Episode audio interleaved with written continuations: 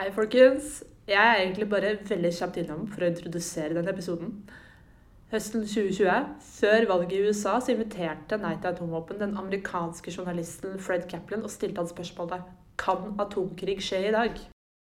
Og hvorfor er Fred Kaplan riktig person til å svare på dette? Han har skrevet mange gode bøker, spesielt om, om atomvåpenets historie. Han tok doktorgraden sin i internasjonale relasjoner ved MIT og skriver til daglig om amerikansk nasjonal sikkerhet ved Slate Magazine. Ordstyrer Andrea fra Forsvarets forum. Mitt navn er fortsatt Oda, og vi snakkes snart igjen.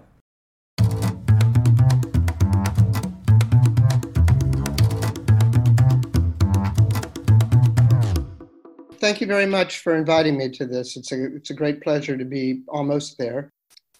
You know, for many years, and very few people would deny this, the, the whole concept of nuclear weapons, nuclear war, I mean, it seems, you know, it seems insane.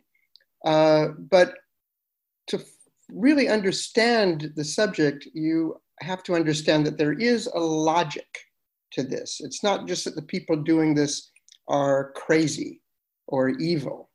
Uh, there's a logic. The logic has some bizarre uh, premises, but it's useful to understand the logic so that if you do want to get into debates or activism or whatever about reducing or eliminating them, you at least know where the people advocating them are coming from.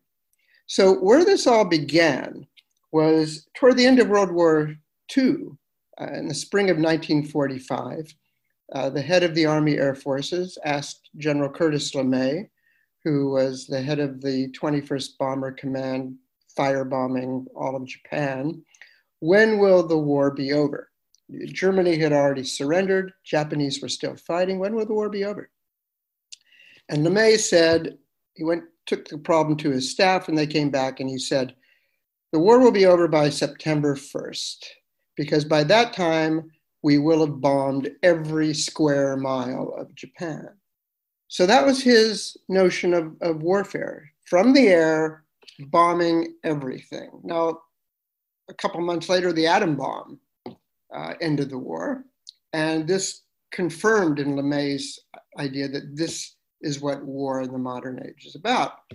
And uh, shortly after the war, he was made the commander of Strategic Air Command, which had control over the bombers that would drop the bomb. He didn't make he wouldn't make decisions about whether to, but he devised the war plans he devised, uh, he trained the crews, and so forth.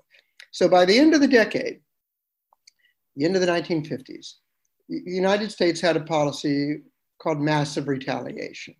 And this is how massive it was. The war plan, approved by the Joint Chiefs of Staff and President Dwight Eisenhower, said this If the Soviet Union occupied West Berlin or invaded Western Europe, you know, at the time, the United States didn't have much in the way of conventional defenses. So the plan was to retaliate, and not if the Soviet Union used nuclear weapons, just as if they invaded on land, Western Europe, say. The plan was to fire off our entire atomic arsenal against every target in the Soviet Union, Eastern Europe, and China, even if China did not have anything directly to do with the war as quickly as possible. And the estimate was that this would kill about 285 million people, probably not including the effects of radioactive fallout throughout Western Europe, throughout our, our allied countries. Eisenhower, who was president, he wasn't a bloodthirsty man. LeMay arguably was. Eisenhower wasn't.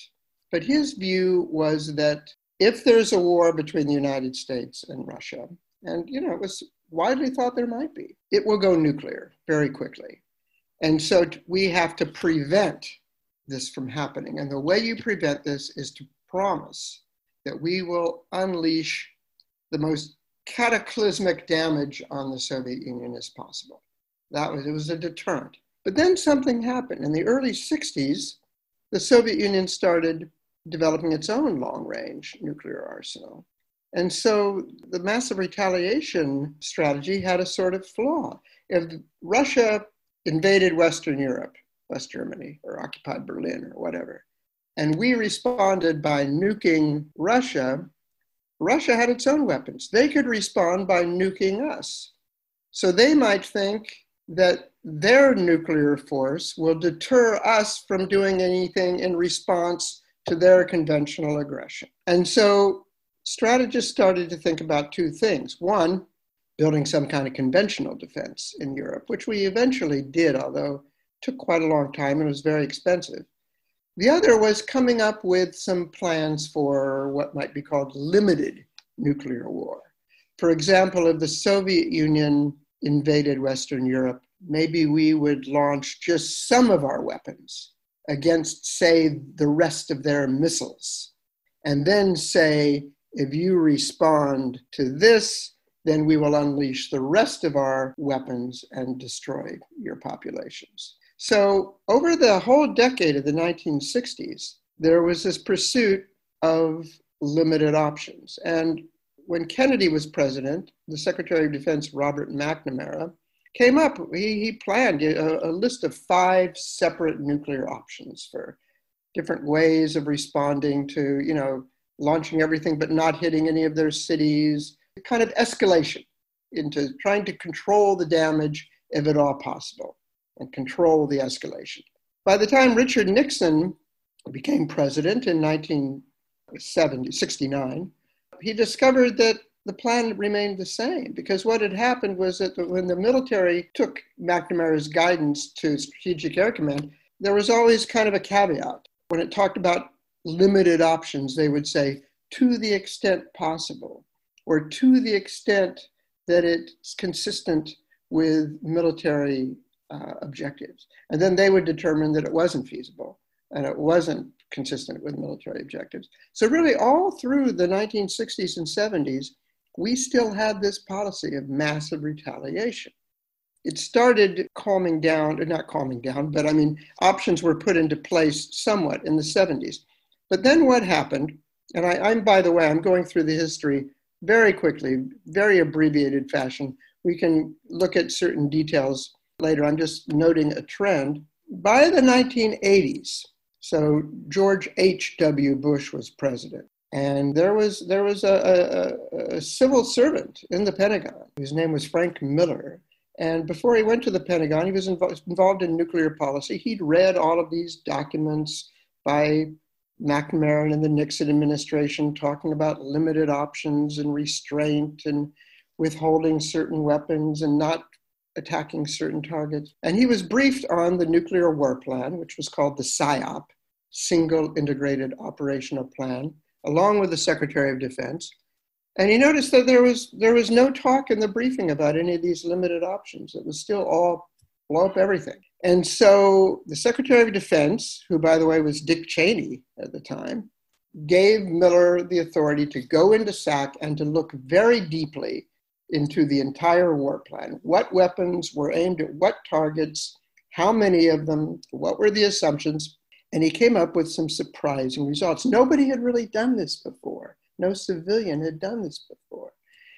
He found, I mean, we know the term overkill. I mean, overkill is an understatement with what was going on. For example, he discovered that in the 50 mile radius around Moscow, there were 700 nuclear weapons aimed at various targets, uh, most of them in the megaton range. There was a, an air base in the Arctic Circle. And uh, this wasn't even a primary air base. It was a base where Russian bombers would return after bombing American cities. And he discovered that there were 17 nuclear weapons aimed at this air base. There was an anti ballistic missile site in Moscow, which after the Cold War, we, we discovered was completely useless. There were 68 nuclear weapons aimed at this ABM site. I mean, it went, if, and if, say, for example, on the, uh, the list, it said, okay, one of the objectives is to destroy the Russian tank army. Okay, not only were nuclear weapons aimed at the divisions that had tanks, they were also aimed at the factories that made the tanks. They were at the factories that made the metal that was rolled into tanks, at the mines where the I mean, it was just, it was everything. At one point, at this point, George H.W. Bush was involved in some nuclear arms control talks, arms reduction talks with Russia. And Miller asked one of the colonels that he was dealing with at Strategic Air Command, what would happen if we reduced the number of our weapons down to a certain to this amount? Would you still be able to carry out your your objectives, to carry out your war plan? And the guy said, Well, that we don't really ask questions like that. And he said, Well, maybe you don't understand. He goes, No, no, I completely understand what you're saying, but but that's not the way it works. What we do, we take the number of weapons that we have and we apply them to our targets. This was just stunning because what it meant was that at no point anywhere had anybody been asking how many weapons are enough. I mean, they did in Washington, but they didn't ask it in a way that it could be understood as an operational question in at Strategic Air Command. In Strategic Air Command, it was a, a strictly mechanical exercise. We, at one point, there was a hearing in the 1980s where the commander of Strategic Air Command told Congress, I need 10,000 weapons because I have 10,000 targets. Now, nobody really took this seriously. They thought maybe he was joking, maybe he was kind of stupid. But in fact, that was how it was done. It was a purely mechanical thing.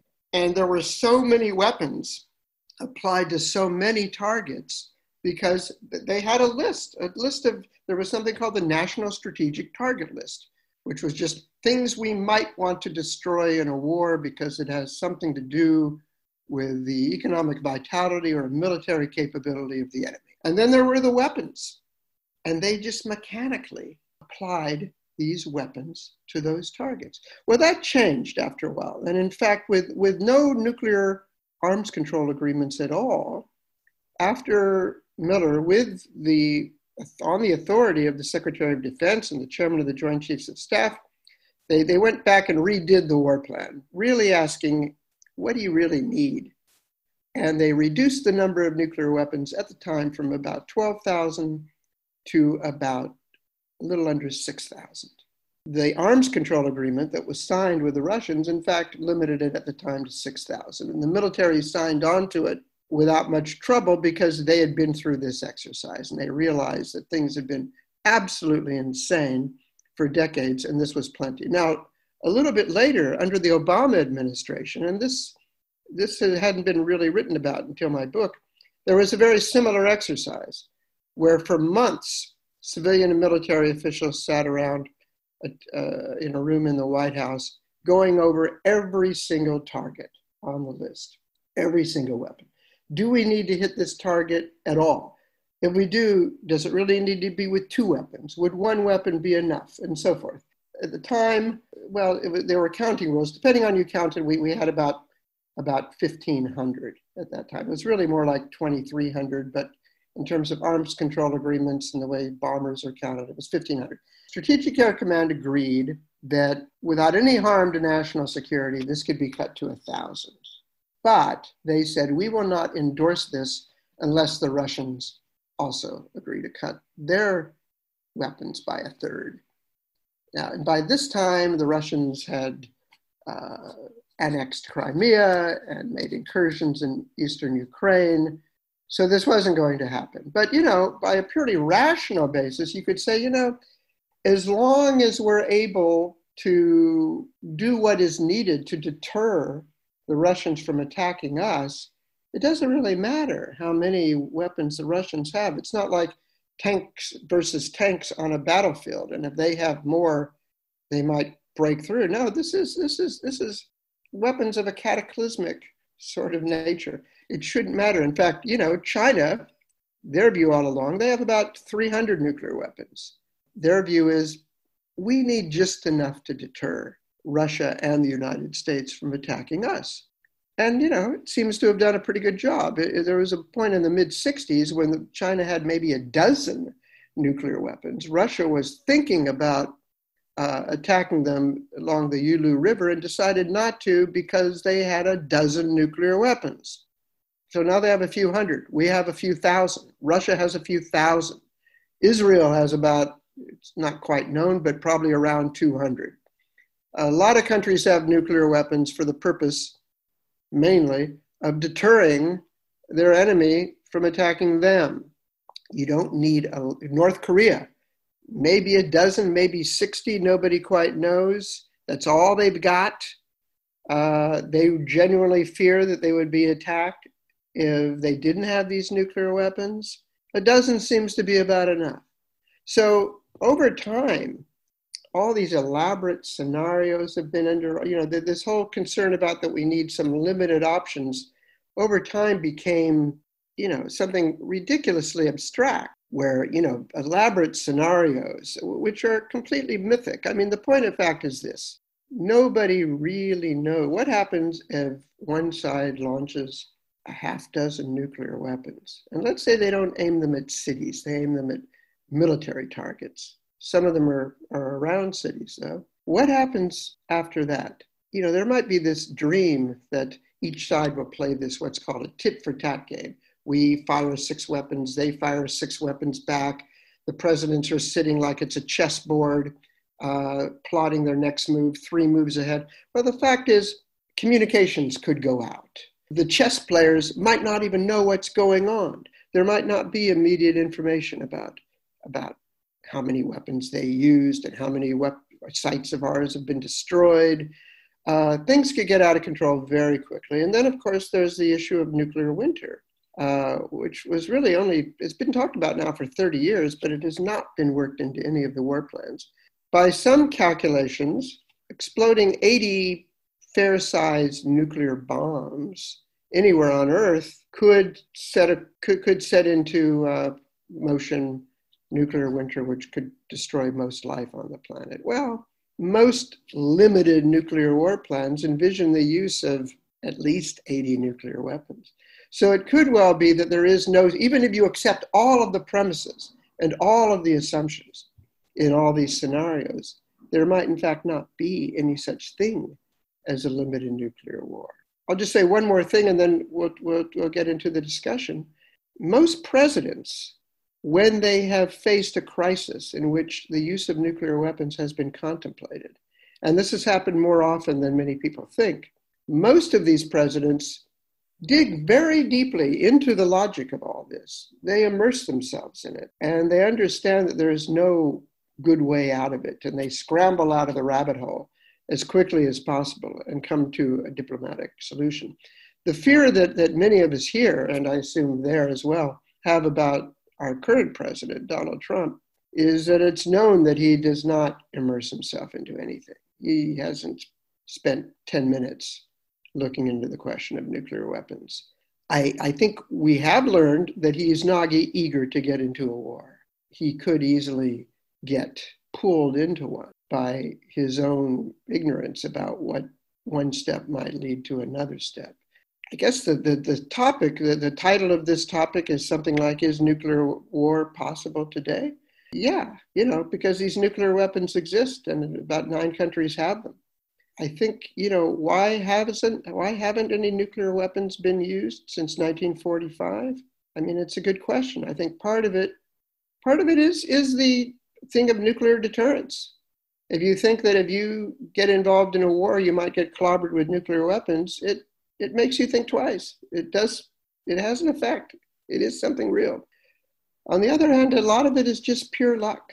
There have been times when there have been false warnings of a nuclear attack, and nobody's done anything about it because it just doesn't quite seem credible.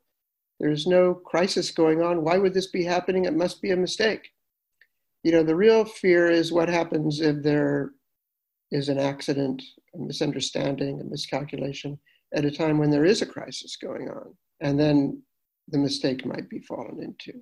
So on that uh, discouraging note, uh, I'll I'll take we'll we'll get into some discussion of this. Thank you, Fred, and uh, it's so interesting to hear the the historic timeline of uh, how different uh, governments have dealt with this. Could you talk a bit about why it's interesting today. Um, in your book, you write about Donald Trump and North Korea and and how Twitter is suddenly a part of the discussion here. Yeah, it's crazy. There has been, you know, underneath the political reality, there all of this talk and scenario that's been going on kind of underground. You know, the people who spend every day, every hour of their working days thinking about this stuff and planning it and rehearsing it and training for it and planning and so forth. There's a great continuity through all this period. What happened with North Korea? And, and by the way, I should, I should have noted at the beginning all along, at least in US war plans, there have been first strike options. You know, the idea that not waiting for the other side to nuke us, but to respond or threaten to respond to conventional aggression with nuclear weapons. What was different about what happened with the Trump administration is that Kim Jong un in 2017 was testing a lot of missiles and a lot of nuclear weapons, and he was on the verge of testing a long range nuclear, a long range missile, one that could, if it was if a nuclear weapon was attached, could hit the west coast of the United States. And Trump said, if you keep launching these tests and issuing your rhetoric, we will rain fire and fury on you like the world has never seen. Now, he wasn't threatening to nuke North Korea if they attacked us. That's kind of always been policy. He was saying if you develop the capability to attack us, we will attack you, which is, it's not even preemptive war, it's something called preventive war. And that's, that's something different. And one thing I go into in my book is that this wasn't just rhetoric. He had the Pentagon devise plans then in which we would start not using nuclear weapons right away, but it was very clear that it could escalate to that.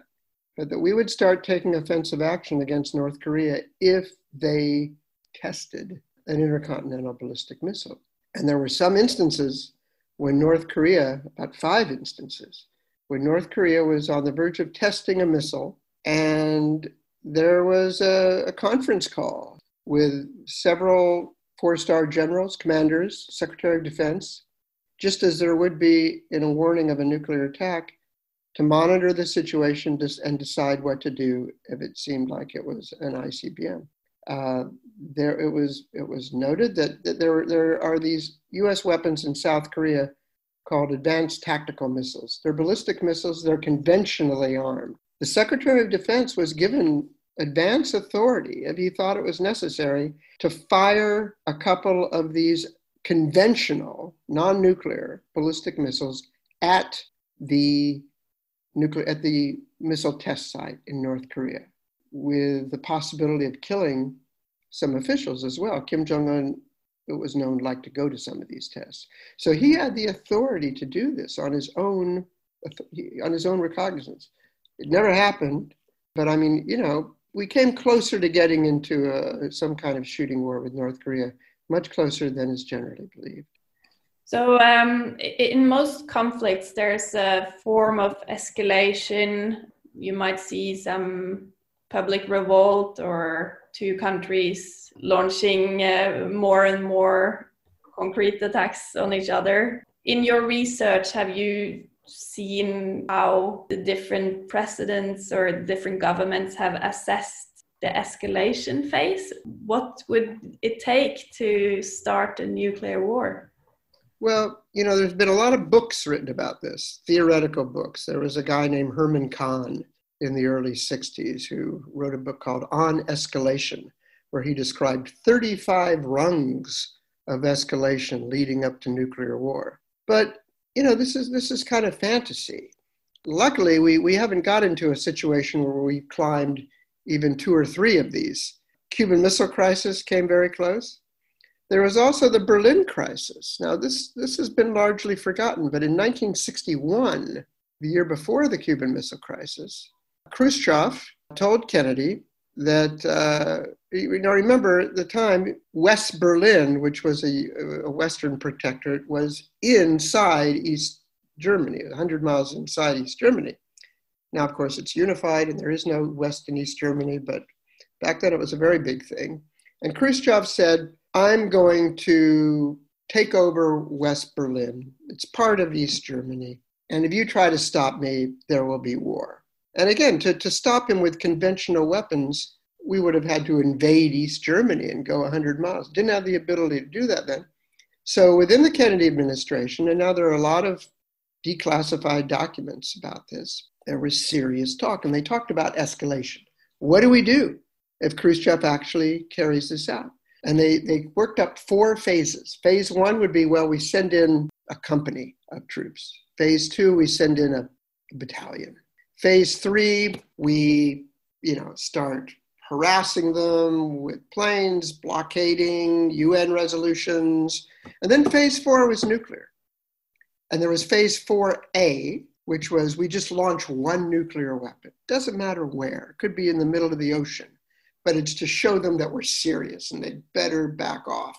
Phase I mean, 4B was using what were called tactical nuclear weapons. We had thousands of them at the time that would, that would destroy their troops on the battlefield. And then 4C was general war, which was that plan I laid out at the beginning of my talk unleashing all of our nuclear weapons against all of the targets. And there was big discussions. I mean, with Kennedy in the room, like, would it be possible to do 4A without it automatically escalating to 4C? And one person said, well, I think we should do 4C right away because if we did 4A, the Russians would attack us and we might lose. Whereas if we did 4C right away, we could win. I mean, these were serious people. This was like the commander of NATO and an assist, a deputy secretary of defense. I mean, this is what they're, and Kennedy realized this is going to end in disaster. And he decided to do something interesting, which was he, you know, at the time, before Kennedy was the president, it was believed that there was a missile gap.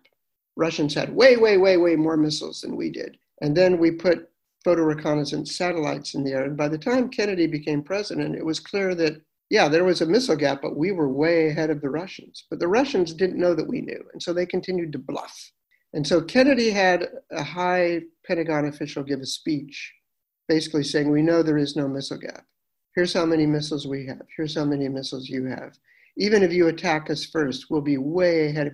Anyway, he got the, the Russians to back down in that way. But Khrushchev, who thought that we were planning a first strike, was terrified. He realized that we knew that he had nothing to respond. And so he decided, as an interim step, to put medium range missiles in Cuba because that would give him an ability to attack the United States if we attacked them. And that led to the Cuban Missile Crisis. So, on the one hand, Kennedy uh, thwarted, put an end to what he saw as inevitable escalation leading to nuclear war, leading to disaster. But in the process of doing it, set in motion another crisis, uh, which he also ended. But but still, it's the point is, once you get into this stuff, people know way way less than what all these very tidy war games that you can play in a cellar someplace would indicate. You don't really know what the other person is thinking. They don't know what you're thinking you don't know what their thresholds are. They don't know what our thresholds are. And you, more to the point, you don't really know what effect setting off a half dozen nuclear weapons in another country are going to be. It's not necessarily the case that the head of that country will say, hmm, it's only a half dozen nuclear weapons, and they were all just in the kiloton range, and they, they've only killed 50,000 people, not a million people. So I'm going to be very restrained in my response.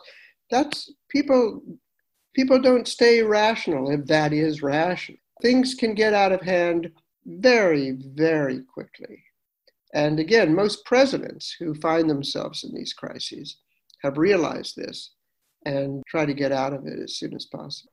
It's very interesting hearing you talking about how different people have influenced or approached the topic in different ways. As you described the meeting with Kennedy and the military leaders, where there are a number of uh, different approaches from just going all in to trying to avoid this as much as possible.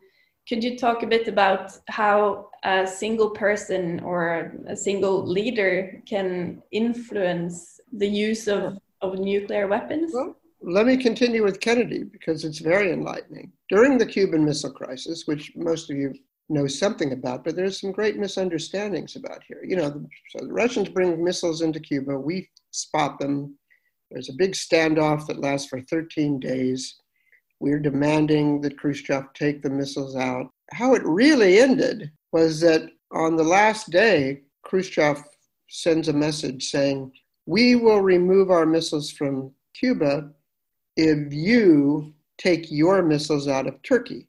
We had about 15 missiles in Turkey at the time, which were very similar to the missiles in Cuba, and were, were just as close to, to Russia as those missiles were to the United States.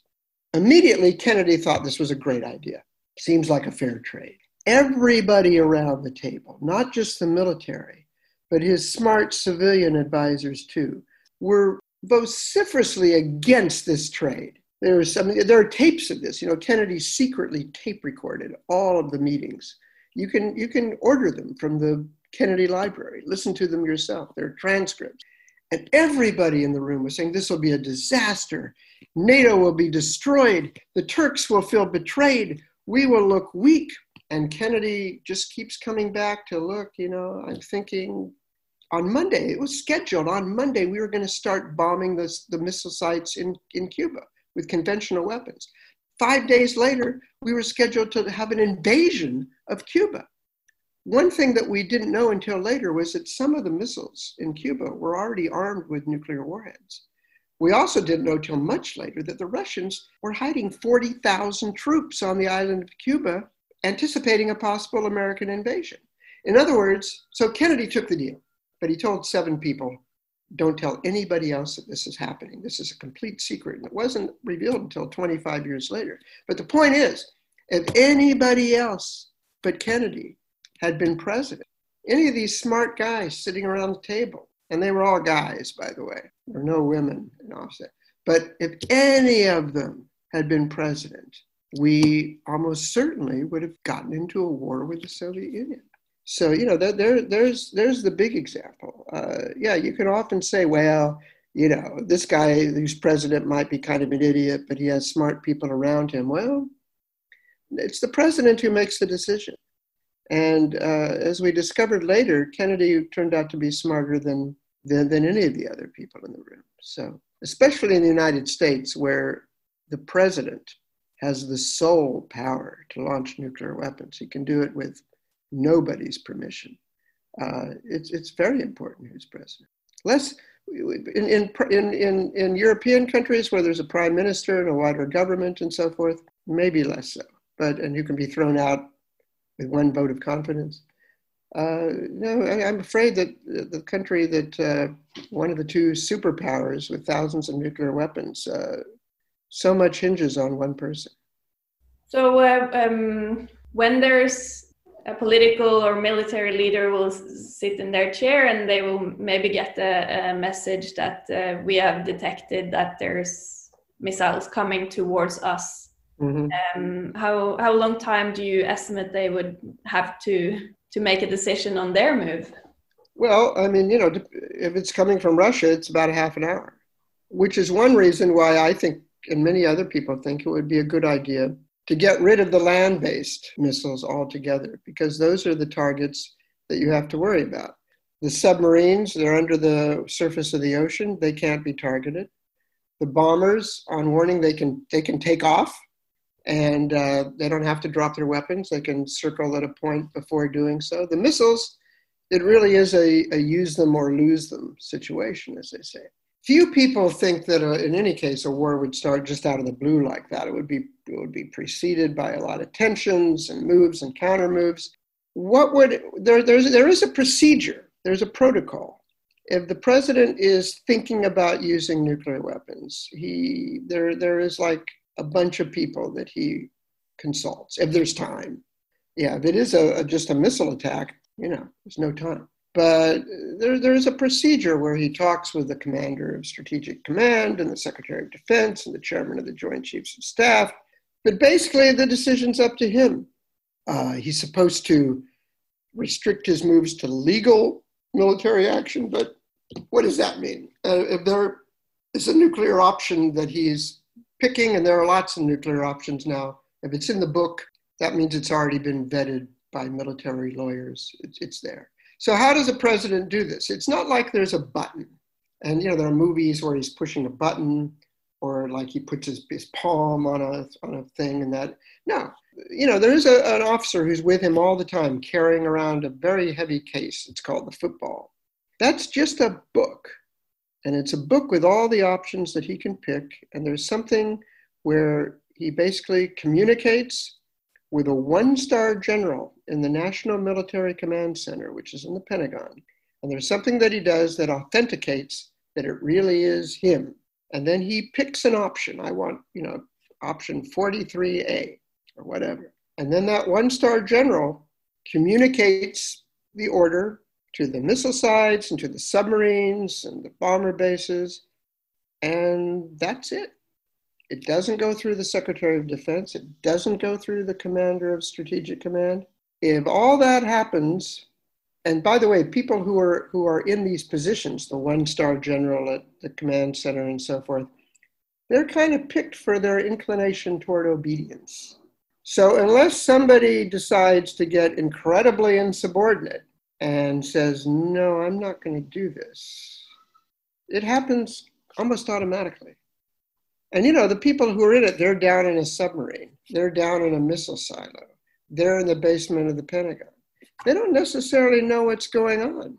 As far as they know, the Russians have attacked us. They don't know. Their job is to do what the commander in chief has ordered. Luckily, we have never even got close to that. But it is two things are worth noting. There have been a few incidents where, as I said earlier, there have been false radar. You know, due to one a computer problem or something, it looks like a bunch of missiles are coming our way. And by the way, it's been true in Russia too. And somebody up high, but kind of on a middle level, has said, "No, I don't believe this is really happening. I'm, I'm not going to pass it on up," which is pretty ballsy. And there have been uh, cases where well, I'll just leave it at that. There have been cases where it looks like a war is about to happen and somebody in a position has overstepped his authority and decided, no, I'm not going to. Uh, I'm not going to send this message up up the link because I don't think it's really happening. So you know that that was that's kind of what I said earlier that uh, we we've been saved in in some part by luck. So so if a nuclear war was to break out today. Does anyone have any conception of what that would look like 75 years since it was last used? Well, I mean, yeah, there have been models of the kind of damage that would be done, but here's the interesting thing. You know, a nuclear weapon, it has several effects. There's blast, like a regular bomb, although much, much bigger. There's heat, uh, there's prompt radiation, there's radioactive fallout, there's possibly nuclear winter in the war plans and in all the games that are played about how much damage would be done, really only the blast effects are taken into account because those can be very precisely measured because there's a lot of data from bombs in say World War II even that you can just scale up and and it's it's quite exact. Things like heat, radiation, fallout, nuclear winter, it's hard to calculate. It depends on a lot of things which way the wind is blowing, what season of the year it is, whether it's day or night. And so, in a lot of these calculations, they don't calculate it at all. Even though heat and radiation might have even wider effects, that is, covering a wider territory, and fire and smoke, even more effects than bombs. So, even these, even if you accept all the premises of what these people are doing, they're severely underestimating the actual effects of these weapons. Now, in terms of the effects on society, you know, many years ago when I was a kid, uh, we used to have there, there were fallout shelters, and there were drills in schools where you'd like get into your desk and, and go like this. Even when I was a kid, I have to say, almost nobody took these things seriously. But there were procedures, at least right now, and, and actually, I don't know what the situation is in Norway. There, there are no more fallout shelter drills or evacuations or anything. I think there'd be total panic.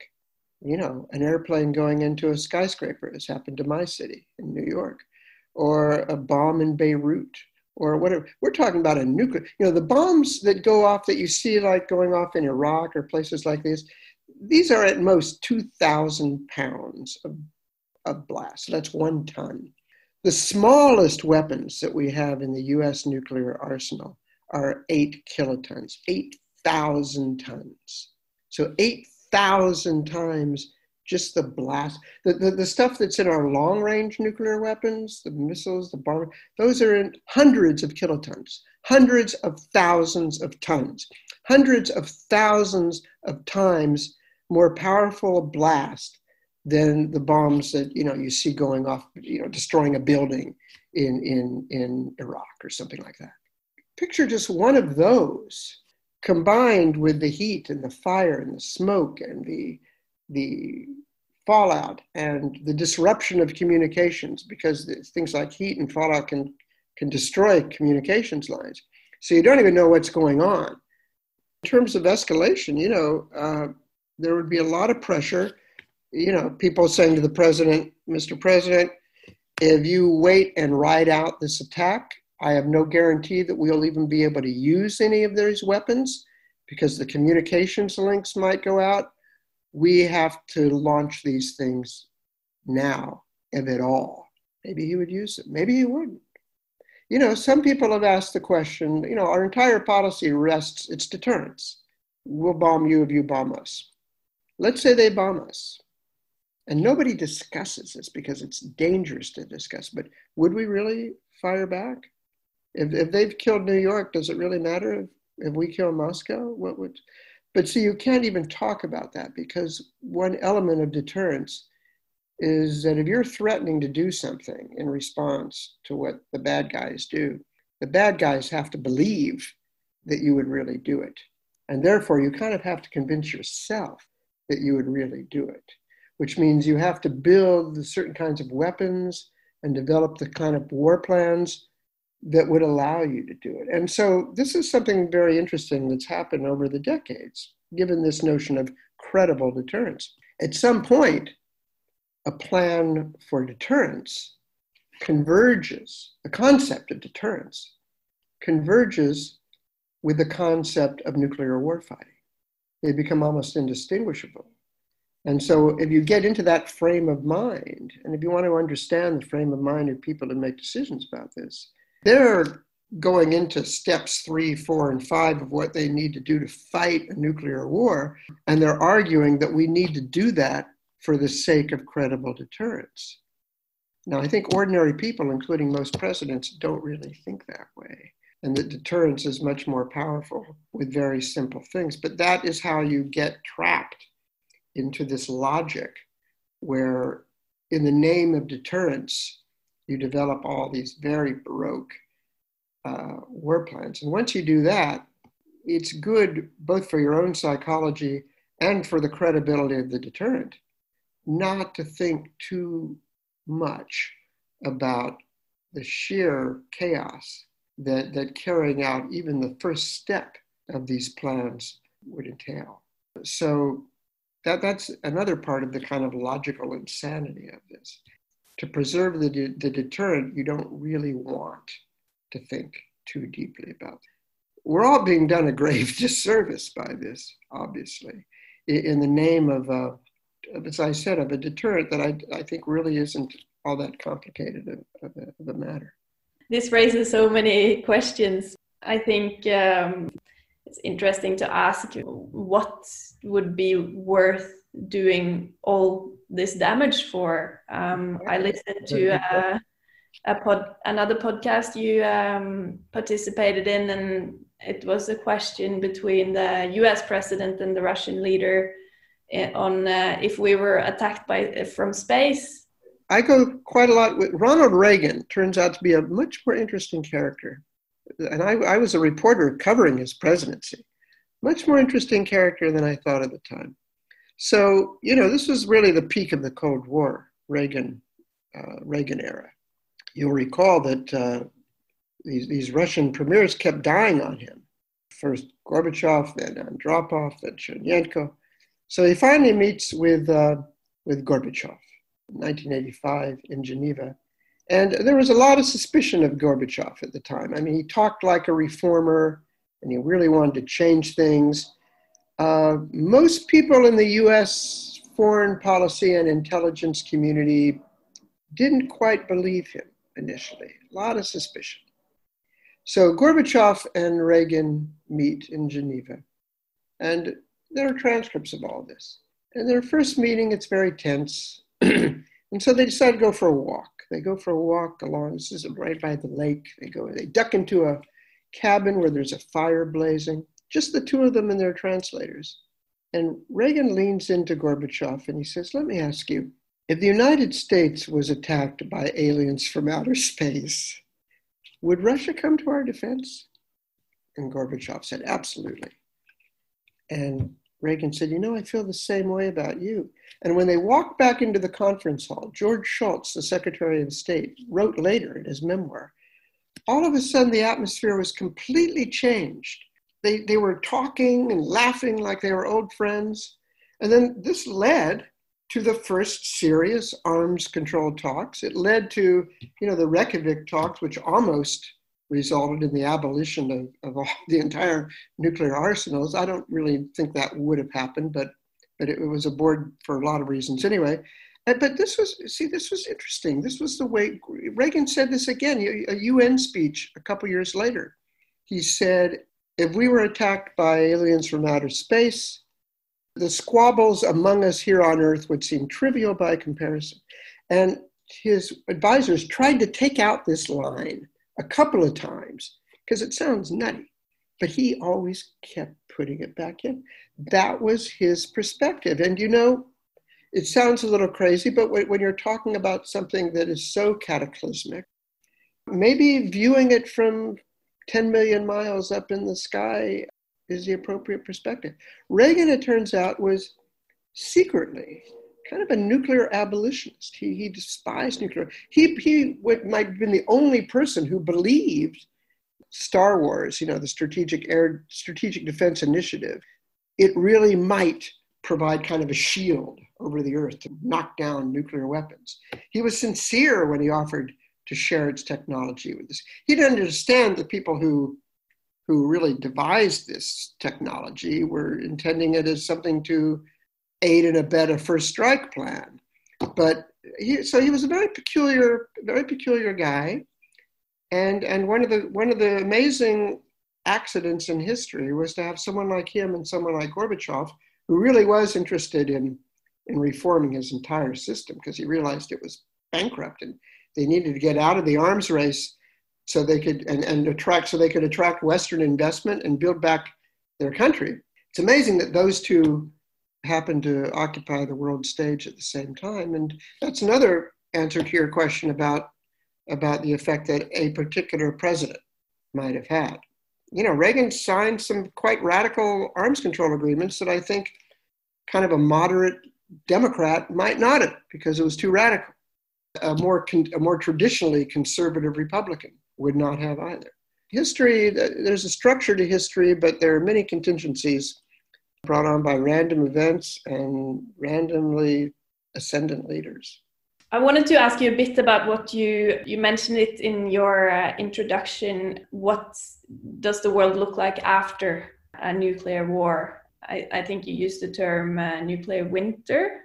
Or... Well, that, that's one thing that could happen. You know, somebody in one memo many years ago talked about a smoldering radioactive ruin. I mean, again, we we've we've shown how poorly prepared we were, probably us more than you, uh, to deal with a pandemic, right? The, the COVID nineteen. It's nothing compared with with what this would be. We don't have, and I don't think any other country has, the burn centers that would have to deal with, with burn victims. There isn't the, the kind of radioactive fallout shelters. There, every computer simulation of a nuclear exchange, as they call it, even a limited one, shows just catastrophic consequences to the economy, to continuity of government, to the ability to repair, uh, rebuild. You know, it is true that here, anyway, we do have the, they go through, there, there are these alternate command centers where, say, the president and a handful of people would be swooped, you know, inside a mountain outside in Virginia or something, where everything is all set up and they could run the government from there. There have even been some exercises of this although not involving the real people who would be doing it. Again, part of the exercise of conveying a credible deterrent, we all pretend that this thing can be brought in, under control and we have this well in hand. And here's the 400 page book that outlines how we'll do this and how we'll bring, we preserve clean water. But really, nobody knows. Nobody has the faintest idea. We have not, the Blitz in London during the World War II has no comparison to what this would be like and then you know controlling the, the, the weapons that, that remain making sure that somebody can't get in and, and launch those. It's a complete unknown. You talk to people privately honestly they'll tell you this. Now they'll also say then again what are we supposed to do? These weapons they're here. They're not going away anytime soon. Are we just supposed to bury our heads in the ha- in the sand and hope that nothing happens, or do we try to prepare for something to, to limit the damage, to shorten the war, even if there's a very, very small probability that, that we're able to do it? Shouldn't we at least try to do that? And you know, some people would say, well, by, by putting all these things in motion, you're possibly making an actual war more likely because you're kidding yourself into thinking that, that this will happen. But, you know, on the other hand, whether we get into a war, it might be due to actions taken by people we don't control, circumstances we can't foresee. And so, you know, there's something to their logic, which is let's try to do something to, to keep this tampered down. Now, in the early stages, when people were planning for all this, they thought there was a very small chance that they that this could succeed. As this has become institutionalized, you know, there are now government agencies that do this. There are textbooks, there are computerized war games. It's become so much a part of the discourse. In fact, it's, it's become more a part of the discourse than the basic concepts of this whole thing. You, you can easily get yourself in a situation where you're viewing this very abstractly. And what's happened, there's a tendency to forget about the underlying reality that in fact you're okay, go ahead and do all these things. Maybe it'll do something, but don't kid yourself for a second that there's more than a single digit percentage chance that this will all go as rationally as you believe. And there, there are people, you know, if you, if you, if this is all you do all day, who start kind of thinking that, that what the, the scenarios that they're all simulating and so forth, that this is reality that the, that the assumptions reflect some real science. You know, science is based on empirical data. There is no empirical data on any of this. So we're all kind of trapped in this logic of illusion. So we're uh, we're going to uh, try to wrap this up, but uh, there's a few questions from uh, the audience. One is, could you tell us about the construction of new bombs? Well, what has been happening recently? Nobody now at least in the US uh, nuclear decision making circles, nobody plans on like blowing up whole cities. It's, it's discrete targets, it's specific targets. And so they have made nuclear bombs smaller and more accurate. You know, if you have a, a weapon that's very accurate, say that can land within 100 feet of a target, and if you're just interested in destroying that target, it doesn't have to be again, it's still ridiculously powerful compared with any bombs that we've ever seen gone off. But it, compared with, you don't need megaton bombs or even hundreds of kiloton bombs anymore. So, you know, the latest one that you might be thinking of is the so called low yield warhead for the Trident II submarine launched ballistic missile, which is about eight kilotons. Would I rather have someone aim a megaton bomb at me or an eight kiloton bomb at me? Well, if I'm within the circle, it doesn't much matter. But if I'm a few hundred miles outside that circle, it makes an enormous image, a difference. But there is still the, the illusion of thinking because your weapon is small and because the particular damage that that weapon does on a particular swath of territory is limited, that therefore you can limit the entire exchange of of, of nuclear attacks that, that's going to go back and forth. And, and that's, that's where, where things get dangerous. There's a question Could you expand on the topic of accidents and mistakes and the probability of something like that causing a nuclear war? Well, I'll give you two examples of, of accidents. There were there were a few within a within a three month period when Jimmy Carter was president. There were four incidents of what seemed to be attacks. It all turned out to be a computer software problem. But one of the times, uh, and it was at the you know it was in the middle of the night, and word got up as high as the national security advisor, Zbigniew Brzezinski, and he was all set to call President Carter on the phone when it was realized that there this was just a it was a mistake. Nothing was going on. More seriously, in the around 1983 in Russia, there was one instance where it looked like 50 American nuclear weapons were headed toward Russia, 50 ICBMs. And the guy on duty that night with the Air Defense Command, there was, I mean, this was a pretty tense moment in US Russian relations, too. But there wasn't any immediate crisis going on. And he decided, well, wait a minute. If the Americans are going to attack us, they're not going to attack us with 50 weapons. They're going to use all their ICBMs. We had a thousand ICBMs at the time. So I, am going to say this isn't really happening, and I'm not going to tell the, the guys upstairs.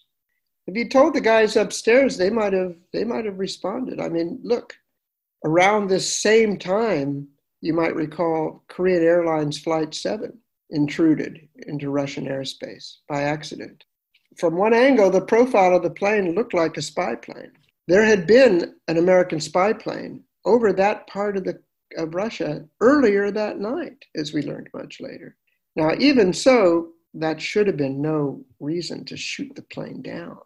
If these guys had been on duty that night instead of the guy who was, he might have sent it up and, and, and all hell might have broken loose. There, there's a scholar named Scott Sagan at Stanford University who wrote an entire book about you know near misses and false warnings. They happen, and there's no reason why they couldn't happen again. Okay, we have three minutes left. So looking forward, you have an election coming up in November. Mm-hmm yeah. two candidates. Uh, would there be any difference in in concern to nuclear war whether Biden or Trump won the election in November? I think there's a concern about everything. In terms of nuclear war, I mean, as I said, one thing that we have learned in this administration is that Trump does not seem as eager to go to war as we've thought. But he does talk very loud. He gets himself into crises that luckily, and then sometimes it's just been luckily, have died down before they've they've swelled. But I think he's also someone who would do almost anything to stay in power and has no respect for his own military and intelligence officials, who thinks that he's smarter than everybody else. Maybe the most dangerous person around it would be someone who thinks that he knows a lot, in fact knows almost nothing, and is in a position of real power. I'm very uncomfortable when someone like Kim Jong un has nuclear weapons under his belt. And I'm not saying that Kim Jong un and Donald Trump are two very different people in many ways, but I, I don't like the idea of, of anybody who has any kind of irrational element in them having anything to do with nuclear weapons or any self, particularly self centered or narcissistic view of the world to have control over these kinds of things. It's bad enough when somebody really smart has control over them. Things still get out of hand. I think we have to end on that note. Thank you so much for sharing your insight you. your knowledge. For the um, listeners or viewers, if you have any questions, you can send them to post at neitilatomvapen.org. Thank you so much for your time, Fred. Thank you. It's a pleasure.